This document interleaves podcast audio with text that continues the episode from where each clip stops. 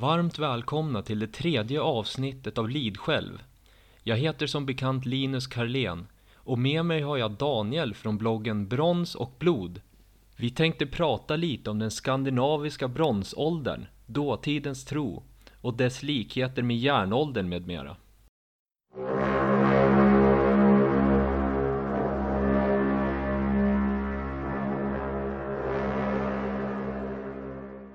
Så Daniel, du kan ju börja med att berätta lite om dig själv. Ja, visst. Eh, ja, eh, jag har ju alltid varit intresserad av historia. Mm. Så, uppväxt på, på västkusten i Bohuslän och där fanns det ju mycket, alltså det finns ju mycket bronsålder där. Det finns ju, dels så finns det ju de här, eh, det, hällristningarna Vitanum. Mm, det är väl ett världsarv om jag inte missminner mig. Jajamän, jajamän, precis. Det är jättestort där. Jag var där för några år sedan igen och det liksom, vad ska man säga, återuppväckte mitt intresse för bronsåldern. Okej, okay, ja. Nej, jag har inte varit där faktiskt, så det får jag väl ha på min bucket list. Ja, precis, precis. Nej, men det är faktiskt häftigt. Det är liksom jättestora bilder och så fantastiskt mycket eh, olika motiv. Liksom. Det finns till och med en val där. Det, mm. det är häftigt. Så i alla fall, så att det, vi var där när jag var liten. Och, hade, och sen så när jag gick i skolan så hade jag en jättebra historielärare. Så men jag har liksom inte pluggat historia eller arkeologi eller någonting sånt, utan det är liksom, vad kallar man det för, en, en eh, privatspanare. En amatörhistoriker tror jag är rätt benämningar. Ja, ja, dilettant skulle man kunna säga också. Okej, okej, ja, ja. Okay. Nej, men så, att, eh, så, så, var det så här att jag tänkte så här att jag skulle ta och skriva en, en, en roman. Det har liksom varit på min bucket list. Mm, okay. Så då tänkte jag det att ja, men jag måste ju förlägga den då till bronsåldern. Mm. Intressant. Ja, så det, den håller jag på med. Och den här bloggen då, som jag, som jag startade, Brons och blod, den, mm. eh, det, det är liksom en plats för mig att samla upp research och, och testa olika idéer. Liksom. Okej, okay. väldigt bra namn på den bloggen, faktiskt. Ja, jag var glad jag hittade det. ja, ja, precis. Den är väldigt snygg också.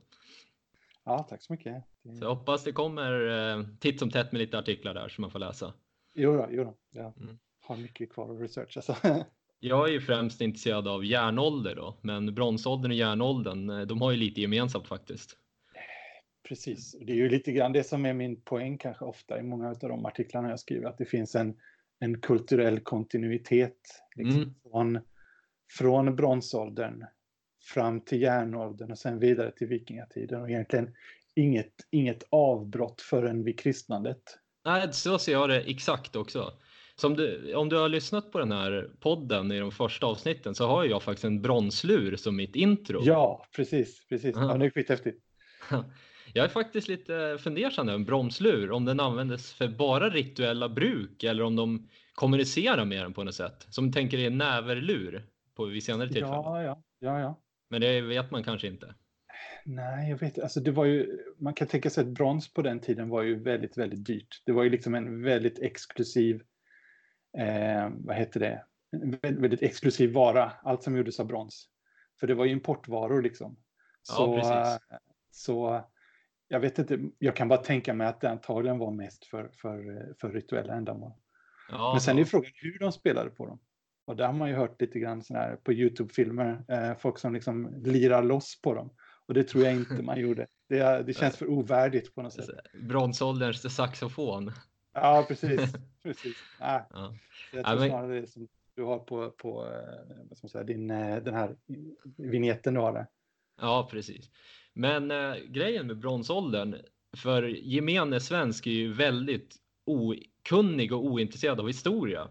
Så att den bronsåldern är väldigt gåtfull kan man säga. Alltså vissa tror ju i princip att det är stenåldern och vissa tror att det är, ja inte vet jag, dynastier som i ja, de mest högstående för sin tid, liksom inte vet jag, Troja och så vidare. Även i Norden. Den är väldigt öppen för liksom eh, att folk kan lära sig om den. Ja, ja visst. Alltså, eh, vi kan säga det, bronsåldern var ju från i, i Norden då, så började mm. man säga 1700 före Kristus och så varar den fram till 500 före Kristus. Okay. Och, eh, och, om man jämför då med nere i, i eh, eh Grekland så där börjar den nu vid 3500 år före Kristus. Mm. Mm. Um, men, så, men det man ser är om man jämför, alltså skillnaden mellan neolitikum, alltså stenåldern, sista delen på stenåldern som är den här Mm. jordbruksstenåldern och bronsåldern är ju att för det första det vandrar in, eh, kommer in en ny kultur med ett nytt folk. Mm, mm. Som är de här eh, indoeuropeerna. Som Ja. kanske har talas om. Jo då, absolut. Ehm, och det är ju de då som för med sig det som sen blir eh, svenska och tyska och engelska och, och de här språken. Det är Mm. deras språk som man bygger vidare på. Liksom. Jag, jag hörde att eh, när indoeuropeerna kom med jordbruket så spreds det ungefär 10 mil per år. Eh, jordbruket. Det var ungefär den takten det spreds i. Ja, alltså egentligen var det så att jordbruket kom ju först. De hade ju liksom en takt som de kunde sprida sig. Och de hade ju till exempel då, det, som, det spreds från eh, Grekland innan indoeuropeerna kom dit. Så det började liksom Mm. i Grekland för 8500 år före Kristus. Så det är 10 500 år sedan. Och sen så kom det inte upp till Norden kanske förrän ja, 5000 år före Kristus. Mm. Jord, eh, Norden på den tiden beboddes väl av så här, jägar samlarfolk. Så. Ja, in, precis innan, innan eh, de här första jordbrukarna kom så var det det. mm, mm. Uh, och de spred sig över hela Europa. Och, men den enda, enda resten av de folken egentligen, det är baskerna idag. Ja, så har jag också förstått det. Men sen är det väl de som bor på Sicilien och sådana. Eller inte Sicilien, det är, det är någon annan medelhavsö som de ska se ut ungefär som de gjorde på den tiden. Jaha, Okej, så Om det är Sardinien kanske? Ja, Sardinien är det. Precis, det är Sardinien just det. som jag har förstått det. Ja, just det. Men det, det är, många folk idag, eller så att säga, vill ju ta på sig att de är mest besläktade med indoeuropeerna. Det är lite intressant den där äh, diskussionen som pågår. För Ja, att precis. eh, de som bor i Grekland idag till exempel och sånt, de är ju inte speciellt eh, besläktade med dem så jag förstått det. För att i indoeuropeiskan finns ju inte ord för oliv. nej, nej. Så att Nej. eh, de var ju mer centrerade runt norra och östra Europa egentligen. Ja, precis. Det är ju det att eh, alltså indoeuropeerna, de bodde ju då eh, norr om Svarta havet. Mm. Och sen då för, ja, säg vid 3 500 år före Kristus så började de på att röra sig i olika riktningar. Så en gren gick ner, kanske över Kaukasus och så in i dagens Turkiet. Och sen hamnade de i Grekland via eh, Egeiska havet. Mm. Eh, en annan gren, närmare besläktad med dem då, gick bort österut, ännu längre österut mot Iran och Indien. Mm. Och det är det som är upphov till, till hinduismen och, och, och många av de språken som de pratar där. Mm. Fast de, många i Indien vill ju inte känna sig vid det där faktiskt. För Ja, de eh, hä- hävdar ju då att de, det där har aldrig hänt och hinduismen är deras eh, ursprung och så vidare. Alltså det är ju det är omdebatterat faktiskt i Indien, just den här historien. Ja, okej. Ja, det visste jag faktiskt inte om. Jag trodde det var liksom lite grann... Eh, ja, vi har lite indier på jobbet. Kan få ta höra lite. Ja, fråga, fråga dem, men alltså det, som jag förstått det så det var en ganska vedertagen eh, fakta förr. Men politiskt så har den blivit känslig på senare år faktiskt. Ja, nej, men jag, jag har sett filmer på YouTube där de säger eh, jag vet, the out of India hypothesis. Så de säger Mm. att det började där och sen så kom det till resten av världen. Ja, precis. Så det, det, är det, det är där skon klämmer. Liksom, Ja, precis. Men det, det, alltså det har funnits jättemycket olika teorier. Så. Mm. Eh, Men man börjar komma tillbaka till det som var... eh, Alltså först så var det ju de här lingvisterna som upptäckte då att men, Jesus, det är ju väldigt likt det här sanskrit och latin och, och eh, fornnordiska och grekiska. De är ju väldigt lika varandra. Det måste ju finnas ett gemensamt ursprung här. Mm. Eh, Så då, då tänkte man sig, ja men det kanske är någonstans mittemellan då. Så då satte man ursprunget någonstans där, nära Svarta havet.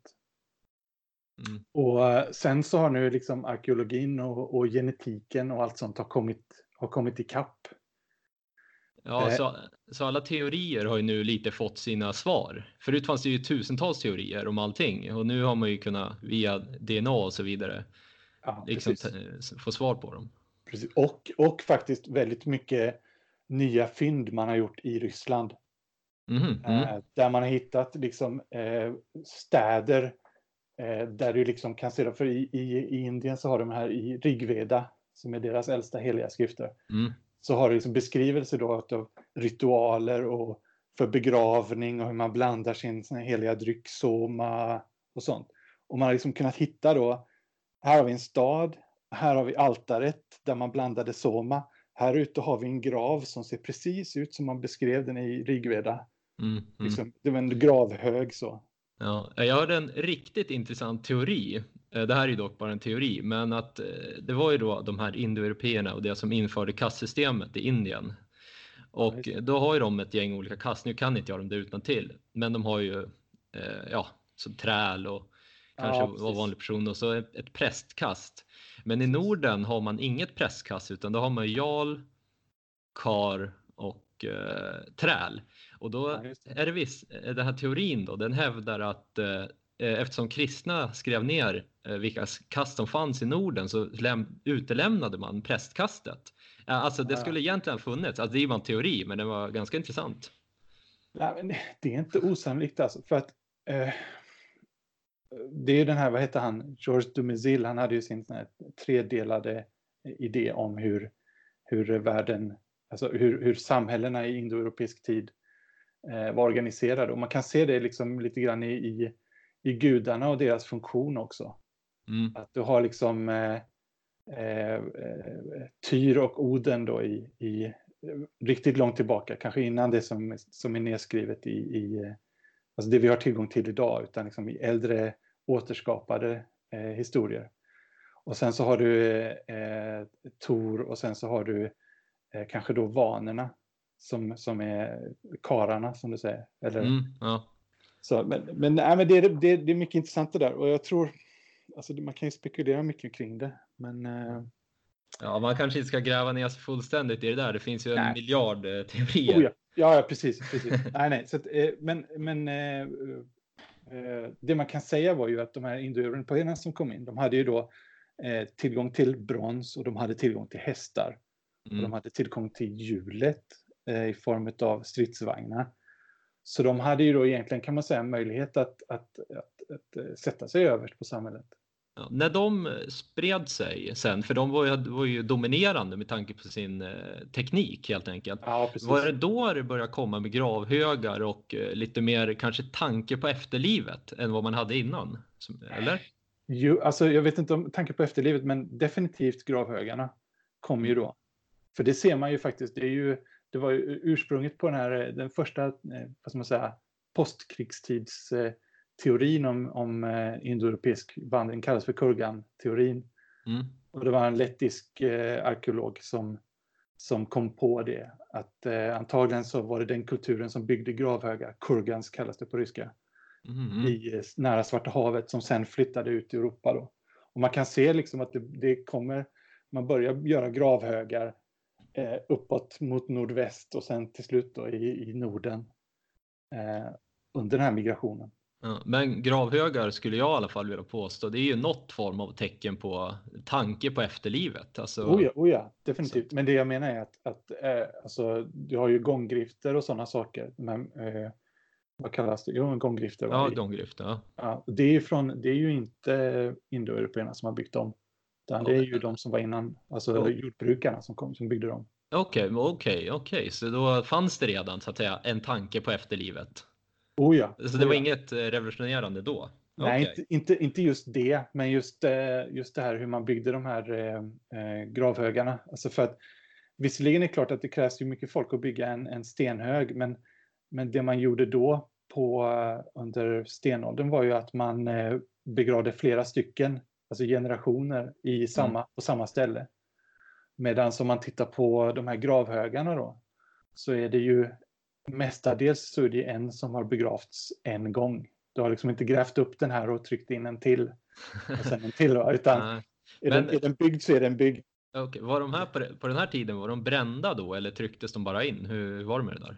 Det finns lite olika. Eh, det som är riktigt häftigt är ju de här som finns i Skåne och i, eh, framförallt kanske i Danmark. Mm. Där man då eh, holkade ur en stock och så la man den döda i den stocken en ekstock då och sen så satte man på locket igen och så grävde man ner det i en hög. För det som är häftigt där är ju att eh, i och med att det är ek och sen så var det den här eh, jorden som man la på där, det blev en kemisk reaktion. Så, så de är otroligt välbevarade de liken. Jaha, okej. Okay. Så där finns det ju en, en eh, flicka, jag tror hon hette Ektved-flickan, tror jag hon kallas, som, eh, alltså hennes kläder är bevarade Du kan till och med se hennes frisyr. Är det hon som har en kjol av eh, så här, eh, tygremser i princip? Ja, just det, precis. Ja, en, okej. en stor sån här bronsplatta på, eh, på magen. Ja, just det, det där känner jag igen. Ja. Men det var i Danmark, eller hur? Det var i Danmark, ja. Precis. Jag har eh, förstått det som att Danmark har fler gravhögar i Bornholm än på fastlandet i hela Danmark. Ja, Men just det. Eh, Det kan ju ja. ha att göra med jordbruk och så vidare som har förstört allting. Men det är en Ja, ganska precis. intressant sak. Precis. Nej, för det, det är ju det som är, jag, jag kollar ju på Riksantikvarieämbetets hemsida, har ju, man kan ladda ner kartdata där, det är jätteroligt. Mm. Mm. Och, eh, I Skåne finns det ungefär 3800 högar be- bevarade. Okej. Men det är ju som sagt det är ju de som är bevarade, för man har ju plöjt ner, plöjt sönder en massa av de här, för de är ju mitt ute i åkrarna. Så det är klart Ja. att någon bonde någon gång har blivit sur på det och sagt nej nu jäklar, nu, nu vill jag ha lite mera, nu vill jag kunna göra raka fåror här så nu, nu plöjer jag ner den här. Ja. Jag bor ju i Bromma i Stockholm och bara här finns det ju jättemycket gravhögar. Bara här i närheten det finns ju runstenar och allting. Ja, just det. För här har ju folk bott jättelänge faktiskt. Exakt, exakt. Nej, jag menar det- t- 3800, det är bara lilla, lilla Skåne. Mm. Även om det var tättbefolkat då så är det, jag vet inte, jag tror det är fyra eller fem gånger så många i hela Sverige. Mm. När eh, Kiviksgraven, är det innan eller efter den här tiden? Det är precis i denna tiden. Okej. Så eh, det, den, är ju, den är ju jättehäftig. Eh, Mm. Har du varit där? Ja, jag har varit där. Rekommenderar faktiskt hela Österlen om man ska åka runt lite och kolla på här grejer. Ja, finns ju lite från medeltid och lite allt möjligt sånt där. Så, men just, just Kiviksgraven är ju väldigt häftig. Ja, precis. Och, och eh, vet du, hällristningar också. Ja, det, det är jag inte bekant med. Så du kan ju berätta lite om hällristningarna i Skåne kanske. Ja, nej men alltså det är, de är ju väldigt kända de här hällristningarna. Vi pratade väl om det i början av programmet i, i Bohuslän nära Tanum. Mm, mm. Men eh, det finns även hällristningar eh, lite större fält liksom i Järrestad och eh, ja, söder om Kivik. Så det är liksom precis väster om Kivik och söder om Kivik. Så finns det två jättefina fält. Eh, där det ena kallas för Yxornas häll och det är det som är söder om Kivik. Och sen så har du Dansarens häll som ligger inåt landet från Kivik. Så det, det, det är jättefint. Jag har, jag har några inlägg eh, med beskrivningar där. Så eh, det Mm. kan man gå in och kika på också. Så, Men ja, om vi ska ja. gå tillbaka till, till Kiviksgraven, eh, den här eh, högen där. Det som är häftigt där är ju att du kan se omega-tecken. Okej, menar du att det har någon koppling till någon eh, annan kultur då eller? Ja, Alltså- alltså, på något sätt, man, alltså man har ju sett att under den här tiden så, så kan man se, man har hittat i Danmark så har man hittat eh, glaspärlor med bärnsten i. Mhm. Och de här glaspärlorna då, då är det blått glas. Då vet man, man har spårat det kemiskt, till Tutankhamons glasblåsares verkstad. Okej. Medan bärnstenen då, inuti detta, kommer ifrån eh, eh, vad heter det, eh, Östersjön.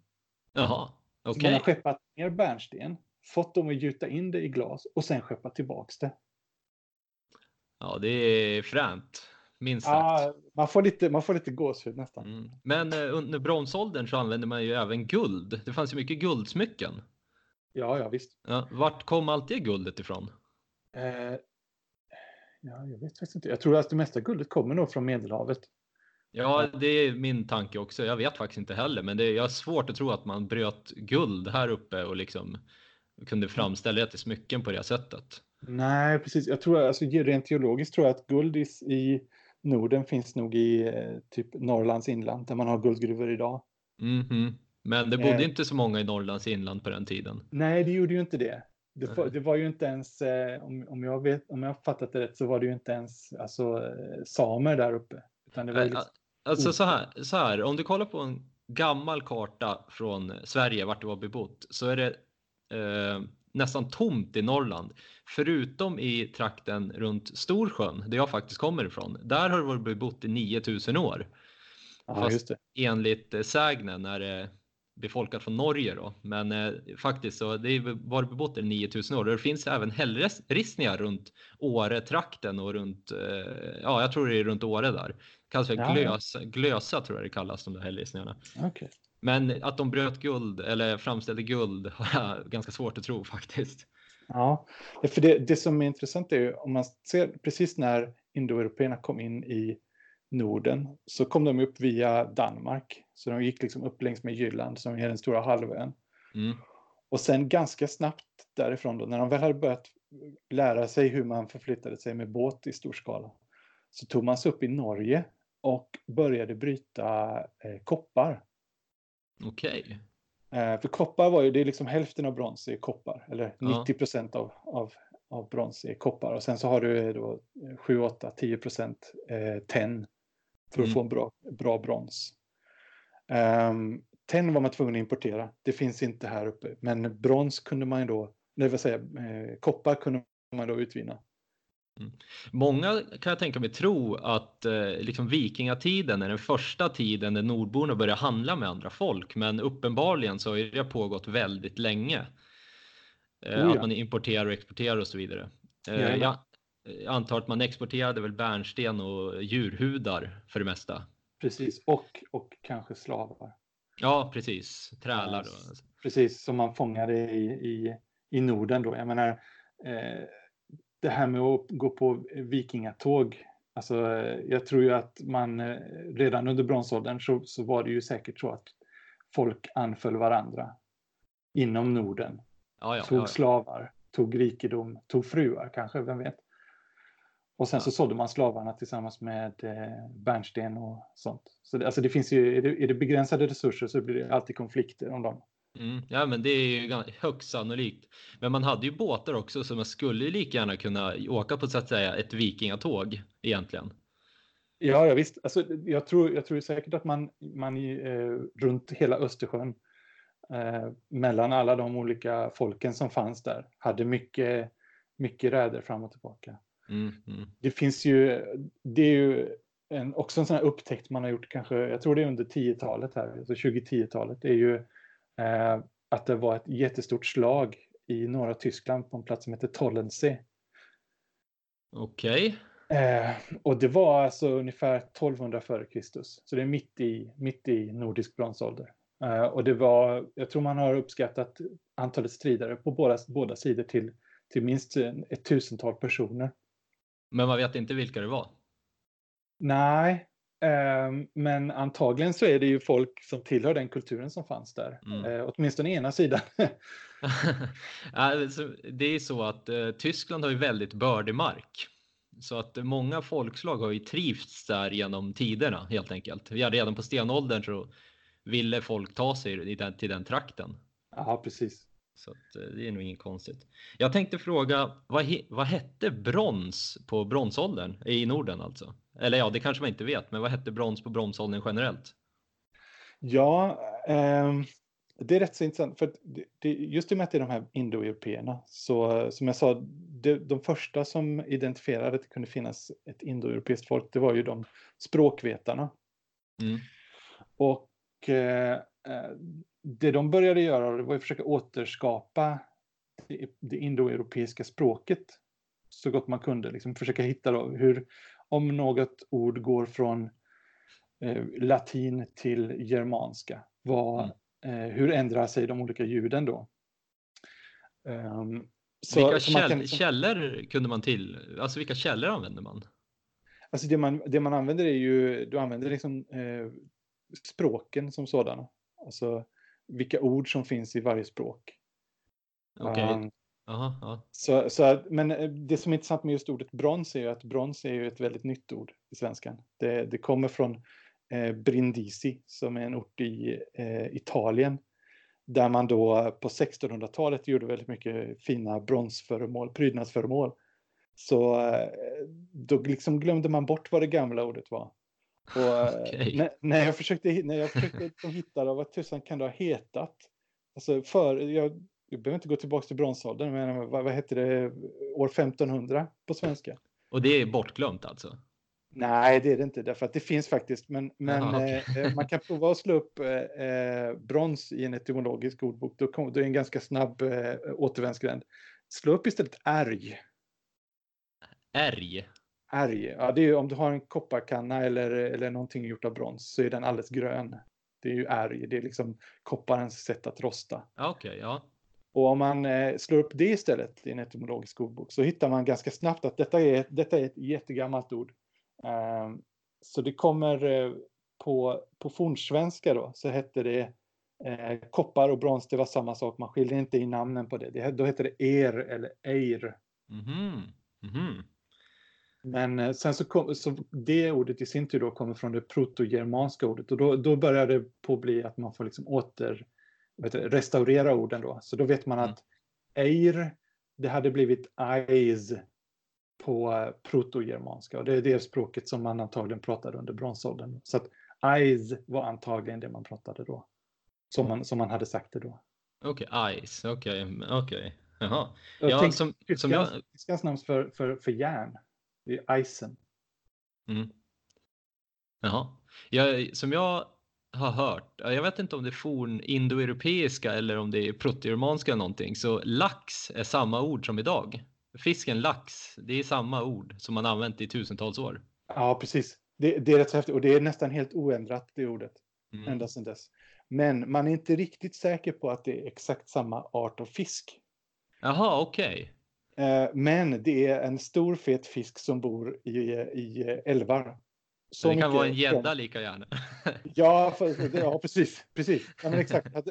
Visste du inte annat om du hade flyttat till ett nytt ställe så liksom, ska vi ha, ska vi ha lax till, till maten ikväll? Ja, laxpudding kanske eller vad som man ja. Så får man ta gädda istället då. Okej, okay, ja. Huh. Jag tänkte att vi skulle prata lite om eh, tron som man hade i Norden på bronsåldern. Ja, just det. Just det. Ja, det är ett intressant eh, kapitel. Eh, alltså, ofta när man, pratar, när man liksom läser i böcker så där, om, om vad, vad trodde man på bronsåldern så, så kommer de genast med soldyrkan. Mm, men eh, det är väl ganska naturligt svar kan jag tänka mig. Jo, det är det. det. På ett sätt är det det. Man har ju hittat liksom, eh, de, några av de finaste fynden man har gjort är ju bland annat så finns det den här solvagnen som ja. är en, liksom en, en miniatyr av en häst som drar en vagn där, där solen eh, åker på vagnen. Den är hittad i Danmark som jag förstått det. Ja, precis. Och sen så har man hittat en, eh, en rakhyvel någonstans i Skåne också där man kan se eh, både då att den reser på en vagn på dagen och sen så reser den på, en, på ett skepp på natten. Okay. Så det liksom reser över himlen på dagen, dragen av en vagn och sen så på kvällen när den går ner så byter den då över till att gå på ett skepp som går under jorden åt andra hållet under, under natten. Den kvar, det finns ju fortfarande i asatron, eh, sol, sol, äh, guden sol helt enkelt. Som, exakt, mm. exakt. Men och du, har har... Samma, har ju samma grekisk mytologi också. Men mm. det intressanta är att man brukar ofta, alltså i, det brukar liksom stanna där. Man brukar inte våga vilja ta det längre än det. Får jag bara lägga till en till grej med sol, att eh, det finns ju en, väl en hel del eh, på hällristningar av solar också. Solkors och i. Tanum har du väl någon liknande sol egentligen som är ristad? Ja, precis. Det finns någon där det är någon blob med armar utifrån och så står det, sitter det några kvinnor bredvid den. Ja. Eh, men eh, alltså, som sagt, de här solkorsen är ju definitivt har ju med solen att göra. Um, så nej, jag vill, inte, jag vill inte spela ner solens roll, men det jag vill framhäva är att uh, om man tittar på den här, alltså på samma sätt som man kan återskapa ord från indoeuropeerna så kan man även återskapa mytologi från indoeuropeerna. Och det man ser där är att du har eh, den himmelske fadern som på latin då hette Jupiter. Mm. Eller på grekiska hette Zeus. Eh, han, motsvar, han har liksom motsvarande gudar då, det hette Dios pater. Hette han, alltså fader, vad heter det? Den himmelske fadern betyder det på indoeuropeiska. Han motsvarar i nordisk mytologi då Tor, nej Tyr menar förlåt, Tyr. Sen så mm. finns det en, en åskgud som, het, som är då Tor och så vidare. Och jag, jag måste säga, jag tror ju att eh, särskilt dyrkan av Tor har varit mycket, mycket viktigare än vad man vill låtsas om. Du alltså, menar under bronsåldern då? Alltså? Under bronsåldern, mm. precis. Mm. Sen så har ju mytologin ut, u, liksom utvecklats och så. Men eh, jag, jag, jag tycker det är lite otroligt att man på något vis skulle ha då tagit med sig alla sina gudar från, från steppen Och sen så kom man till Norden och så glömde man bort dem och så började man bara på att dyrka solen under en massa år. Och sen helt plötsligt när det blir då järnålder och fram i vikingatiden så, så kom man på sina gamla gudar från steppen igen. Nej, det låter ju lite misstänksamt faktiskt. Exakt, så jag, jag, tror, jag, jag tror ju säkert att du har haft ett stort inslag av dyrkan av Tyr och Oden, av Tor. Mm. Kanske till och med vanorna. Ehm, eftersom de antagligen avspeglar den här eh, stenålders jordbrukarkulturen. Mm. Ja, men du har de, så att säga, de logiska gudarna, till exempel Tyr är en krigsgud och du var väl i krig, då behövde du en gud som hjälpte dig och eh, Tor är ju, han är, styr ju vädret och du behöv, behövde någon gud som skötte om vädret för jordbruket och så vidare. Alltså det är så logiska gudar som de så garanterat hade. Ja, som sagt, det är konstigt att man gör sig av med dem om det inte kommer någon någon eh, mission utifrån på något vis och säger att nej men glöm alla era gamla gudar för här kommer en ny gud som alla ska tro på. Jag tror att det är en kontinuitet precis som du tror då. Men eh, det kan ju, det kan ju alltid bli kulter som sticker ut och det kan ju funnits en eh, solkult till exempel som har brutit sig loss lite. Säkert, säkert. Det, precis. Man, det, kan ju, det, det påstås ju ha funnits hästkult och och ormkult ska ju ha funnits eventuellt på Gotland. Det är ju senare, det är ju järnåldern då, men det ja, finns ju alltid det. avfällingar eller vad man ska säga som hittar på. Ja, precis. Diverse. Och, och alltså många av de här eh, nordiska gudarna har ju olika namn och det kan ju säkert avspegla regionala skillnader i, i kulten och i vad man har kallat dem. Mm -hmm. eh. Men vad, vad är Odens äldsta namn som man känner till det? Ja, just det. Ja, men det är rätt Jag har skrivit inlägg om det. Det är vild spekulation från min sida. Men Okej, okay, men det är intressant. Det, ja, men det knyter an till någonting som man, som så att säga, det knyter an lite grann till vetenskap. Eh, det är så här att eh, man har ju liksom, återigen då på grund av att det är de här indoeuropeerna, så, så kan man återskapa en eh, gemensam skapelsemyt Uh, och jag, jag, översatte den ifrån en bok uh, som jag hittade. Som, uh, ska vi se, har du tid då? kan vi ta den? boken? Nej, den här korta skapelsemyten. Den är ja, rolig. Ja, kör hårt. Ja, visst. så, så var i, I begynnelsen så fanns det två bröder som var tvillingar då. Och den ena hette man. Och mm. den andra hette tvilling. Och om man tittar då på vad, vad Manu hette den första på indoeuropeiska och den andra hette, håll i det nu, Gemo. Okej. Okay. mm, Gemo, kom ihåg det namnet. Mm. Eh, de reste genom kosmos då, tillsammans med en jättelik ko. Mm. Så småningom då så beslutade sig man och tvilling, det vill säga Manu och Gemo, för att skapa den värld som vi nu lever i. Och för att åstadkomma detta då så var man tvungen att offra tvilling det vill säga gemo. Mm. Eh, och av kroppsdelarna från detta offer då, så skapade man tillsammans med de himmelska gudarna, himmelske fader, krigs och stormguden och de gudomliga tvillingarna. Alltså det var fyra olika gudar som han tog hjälp av då. Mm. Han skapade vinden, solen, månen, havet, jorden, elden och till slut de olika folkslagen. Mm. Uh, och det intressanta här då är, om, om du tänkte då, Gemo vad, vad, hette, vad hette den här som offrades i nordisk mytologi för att skapa världen? Ymer. Jajamän, det är ju samma namn. Mm. Men vart, vart kommer den här informationen ifrån? Jo, det, det kommer ju, alltså den här historien då, eh, den är då återskapad av eh, eh, forskare. Och den finns okay. beskriven i en bok som heter The Horse, the Wheel and Language av en, eh, av en arkeolog som heter David W. Anthony. Jag har hört om den boken tidigare. Den finns bara på engelska va? Som jag förstått det. Ja, precis. Så mm. jag, jag, var tvungen att översätta den här snutten här. Mm. Men äh, det, det, är ganska uppenbart vad du precis läste upp. Det är ju en förenklad version av eh, Asatrons skapelsemyt. Precis, och jag menar, det är en förenklad version av alla de andras också. Okay, ja. behålla dem, bara behålla de bitarna som är gemensamma. Mm. Men det är lustigt att namnen stämmer så väl överens. Så om vi då fortsätter i historien så är det så att efter att jorden var skapad så gav de himmelska gudarna eh, kreatur till den tredje mannen. Den tredje mannen. Så du hade mm. liksom, eh, du hade man, tvilling och så den tredje. Den tredje då, han kallades på indoeuropeiska för Trito. Okej. Okay. Eh, men eh, kreaturen, de blev stulna då av ett trehövdat sexögt orm. En trehövdad sexögd orm som hette Nughi på uh, indoeuropeiska. Uh, ja, det vill man inte ska hända. Nej, precis.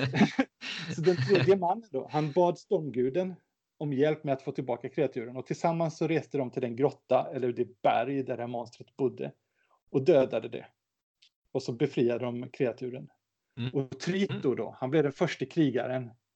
Han återvann folkets rikedom och hans gåva av kreatur till prästerna försäkrade att gudarna fick sin del av den stigande röken från offereldarna. Detta säkerställde att cykeln av gåvor mellan människa och gudar fortsatte. Oj då. Eh, ja. Väldigt intressant. Ja, du får skicka en länk till mig sen ska jag kolla på det där lite närmare ja, faktiskt. Precis. Men då kan man ju försöka liksom fylla i då rolllistan. Liksom. Mm. Um, så då kan vi säga så här att vi har ju eh, kon då. Den heter ju Audhumla på, eh, i nordisk mytologi. Ja. Och sen så tolkar jag då som att eh, alltså vi har ju tvilling då också. Det är ganska uppenbart att det är Ymer. Ja. Eh, himmelske fader, det är då Tyr. Eh, mm. Krigsoskguden, det är Tor. Och sen så skarvar jag lite grann och säger att man, det är Bure, för det är han som är fader till alla gudar och människor ja. vidare sen. Um, de gudomliga tvillingarna, då har vi Vili och V. Och mm. ormen, det är ju Midgårdsormen. Uh, men sen då Trito, vem är det? Um, och det som, det som var så komiskt var man sitter och läser eh, och så tänker man men vänta lite, här har vi faktiskt ett, ett av ordens namn är Frido som betyder just den tredje. Um, så eh, min, min eh, hypotes eller spekulation ska vi säga, är ju faktiskt att, är då att Oden, Odens första namn var Frido. Så av alla de här hundratals namnen som han har så är det det äldsta och sen har han fått då fler och fler namn allt eftersom tiden har gått. Mm. Alltså det är ju inte jättelångsökt. Det är ju en ganska eh, simpel egentligen tanke. Alltså man bara, det passar bra liksom. Ja, precis. För det var, från början så tänkte jag så att de gudomliga tvillingarna, det var Vile och V och sen Oden som en liksom, tredje tvilling. Men det funkar ju liksom inte riktigt. Däremot så var ju liksom rollen som Trito, den var ju ledig. Så att, eh, jag skrev upp en uppdatering då på det första inlägget. Mm. Mm. Har du någon eh, koll på dryckeskulturen i bronsåldern eller under bronsåldern? Ja, alltså det man har sett är ju att eh, Eh, man har druckit mjöd. Det har man definitivt sett och det har man även sett nere, ända nere i Grekland att det första man bryggde var mjöd.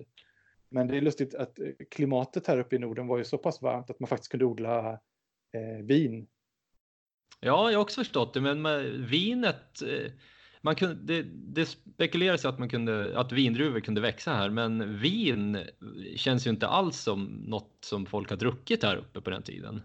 De kanske inte förstod bara att man kunde odla vin, eller att man kunde skapa vin. Alltså jag tror ju helt klart att har du, har du vin, människor försöker göra rusdrycker av allt.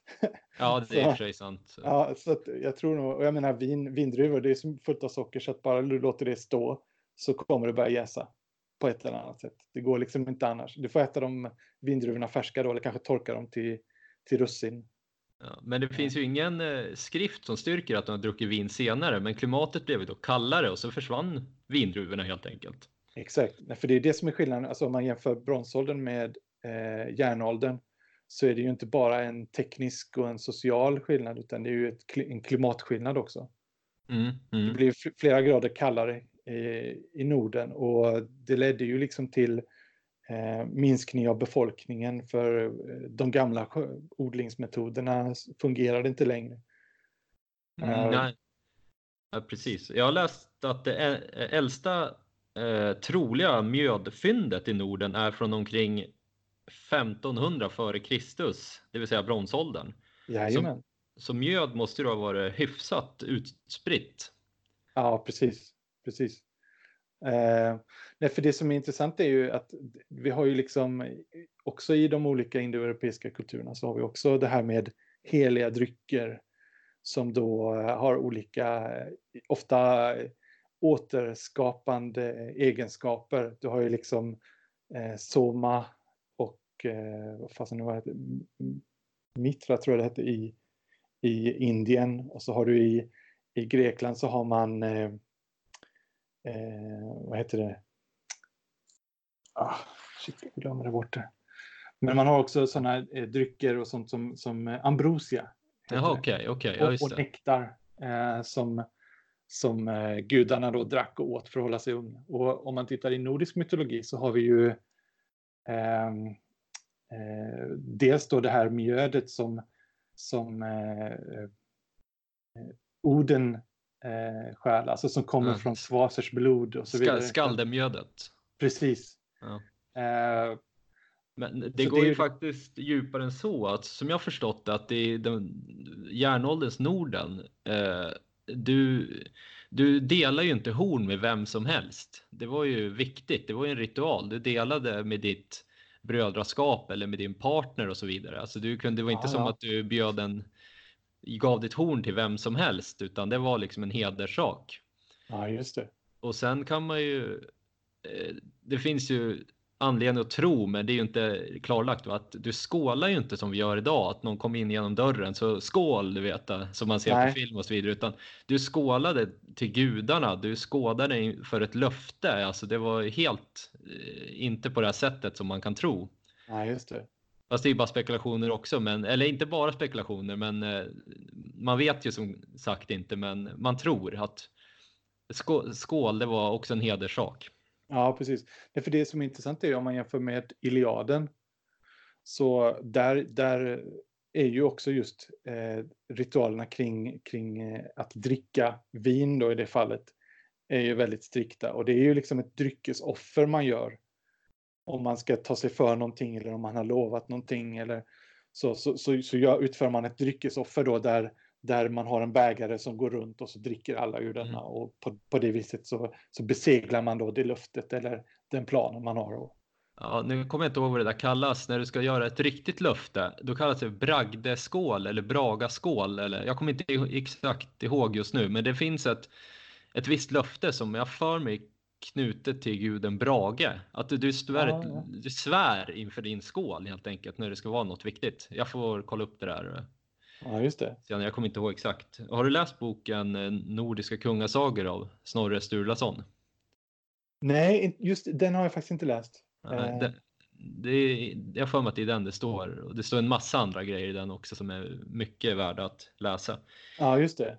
Som just kring kulturen och så. Ja, alltså man får ju ta, det står ju bara någon rad här och där som är väldigt intressanta. Det är ju mycket om kungar och så vidare, men man kan ju ta till sig så här gjorde de på ett blot och så här drack de och på det här sättet. Alltså det, det, den är, det är en guldgruva alltså den boken. Ja, just det. Just det. Jo, jag vet, ja, det, det är definitivt på min, på min läslista.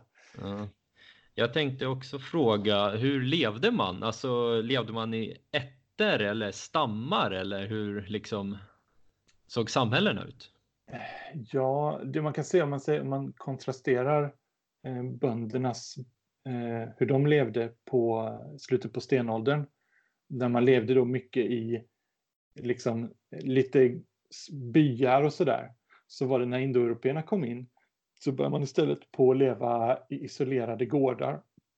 Mm -hmm. eh, men gärna då vid vatten eller längs med kusterna och sådär. Som du säger vid Storsjön vid Vänern, Mälaren och längs kusterna i hela Skandinavien och, och vidare Polen och, och södra, Tysk, södra Finland. Men det var eh. väl ett par familjer då som levde tillsammans kan jag tänka mig? Ja, precis. precis. Men det är lite, det är lite som, jag vet inte, det är lite som samma, kan vi kalla det för boendemönster som, som jag tänker mig man hade under vikingatiden. Ja, att det, det var liksom, det var inte några stora städer eller, eller sådär, utan det var betoningen var på att en gård, en mark och sen så kanske man hade då några karar som, som, jobb, som jobbade på gården och bodde där som var på något mm. vis anslutna till, till den här stormannen då som ägde marken. Ja, precis. Eh, kärnfamiljen finns ju belagd redan från faktiskt eh, stenåldern. Man har hittat en begravd kärnfamilj i Tyskland. Mm. Som är daterad till, ja den är 4600 år gammal. Så ja, en del av kärnfamiljen har i alla fall existerat. Även kanske inte man bodde i en villa som jag gör idag, men man bodde väl antagligen familjer tillsammans då. Ja, precis. Och inte... kanske liksom att, jag menar i någon slags generationsboende. Att man hade sin gamla eh, farmor som var i livet fortfarande. Hon fick vara med och ta hand om barnen. Ja, jag har svårt att se det på något annat sätt. Eh, ättestupa kanske, men det jag säger om bara en myt. Jag vet inte. det verkar lite grymt tror jag. Oavsett, oavsett vilken, vilken ja. tidsålder du är så, så verkar det lite grymt. Jag vet inte om jag tog upp det tidigare, men är du bekant med Timmelegudinnan? Uh, nej. Okej, okay, jag sa inte det tidigare. Det, det är en sak som också visar att de hade visst avancerat uh, ja, samhället var lite avancerat. Det var inte liksom stenåldern, slå någon med klubba i huvudet direkt. Timmelegudinnan är en liten järn nej inte järn, eh, vad är det, brons då kanske, statyett. Jag för mig det, jag är ganska säker på att den är från bronsåldern i alla fall. Ja. Det är en bronsstatyett eh, som antagligen var ett hänge runt halsen. Det är ganska liten. Först trodde man ju då att det bara var ett hänge, det var en utsmycknad, det var din kvinna då, så någon fertilitetssak kanske och sådär. Men ja. sen hittar man en nästan identisk i en annan del ja, av Sverige. Ja, ja. just det. Mm. Så just då det, tror man att, eller man har väl kommit fram till att det var viktmått så man hade väl handel då med de här viktmåtten och på något sätt eh, vägde varorna. Ja, ja. ja precis. Varför inte? Liksom. Så att, jag att, menar, en våg är ju inte svår att uppfinna. Det är ju bara typ ställa en planka. Eh, alltså, ja, precis. En sån ja. jämviktsvåg. Liksom. Ja, precis. Okay. Jag tänkte bara ställa en slutgiltig fråga. Eh, litteraturtips. Ja, nej men jag får, jag får säga faktiskt den här uh, The Horse, the Wheel and Language mm. uh, av David W. Anthony. Uh, den, är, den är jättebra. Den är, den, alltså, man kan ha den som ett uppslagsverk också. Den är otroligt, jag menar, det är ju en, en, en forskare som samlar state of the art just nu, så här mycket, det här vet man om indoeuropeerna. Så att om man ska liksom det finns mycket, det finns mycket litteratur om bronsåldern som kanske inte är helt uppdaterad. Nej. När är den här boken ifrån då? Den är från 2013 tror jag. Okej, okay. så det, det, DNA-teknik och sånt finns med i den då eller? Precis, DNA-teknik, de mm, senaste mm. fynden, eh, allt sånt där. Så att det är lite grann, jag menar, om man läser sin gamla skolbok va, så, så, är det mycket där som inte stämmer. Och det är det också som gör det också spännande att hålla på med bronsåldern just nu. Att det är så mycket som, som eh, kommer fram i forskningen. Mm. Ja, men det kan jag tänka mig. Jag menar, nu är det ju med DNA och allting kommer ju, går ju jättefort. Eh, men i den boken, det här är jag inte riktigt helt säker på heller, men visst, är, man har kommit fram till vart de uppfann hjulet och det var väl i dagens Ukraina någonstans va? Ja, precis, precis. och det var de här som gjorde det. Ja. Uh, uh, för ja, som sagt, man kan se precis hur det sprider sig. Det, det, det är rätt så roligt. Man kan till, till exempel se vad de sålde, vad de handlade med. Och det man tror de handlade med var häst. Hästar. Mm. De var liksom, det var de första som tämjde hästarna, de var de första som började sälja hästar då ut till grannfolken. Men även cannabis. Oj då. Ja. Där ser man. Så det, okay. det, ja, det är intressant. Men eh, för att när jag gick i skolan då tror jag inte man visste vilka som hade uppfunnit hjulet. Jag trodde det var liksom en, ja, en grej man sa att man inte visste vem det var som uppfann Nej, det. Så det måste ha kommit senaste 20 åren eller 10 åren eller någonting. Ja, precis. Nej, jag menar, säkert så, så, så var man också ganska, man var nog ganska säker på också att man aldrig skulle få veta det. Nej, nej precis. Men, men nu, nu så hittar man liksom eh, ja, som sagt, jag menar, det är ett stort land. Både Ryssland och Ukraina är gigantiska ytor. Mm, mm. Så att till slut så har man då hittat vissa nyckelfynd som, som gör att, åh, oh, shit, här är det, här har vi hjulet liksom. Ja, nej, det är mycket intressant. Är det något sista ord du vill säga till lyssnarna? Nej, eh, ni får gärna komma in och kolla på min, eh, min blogg.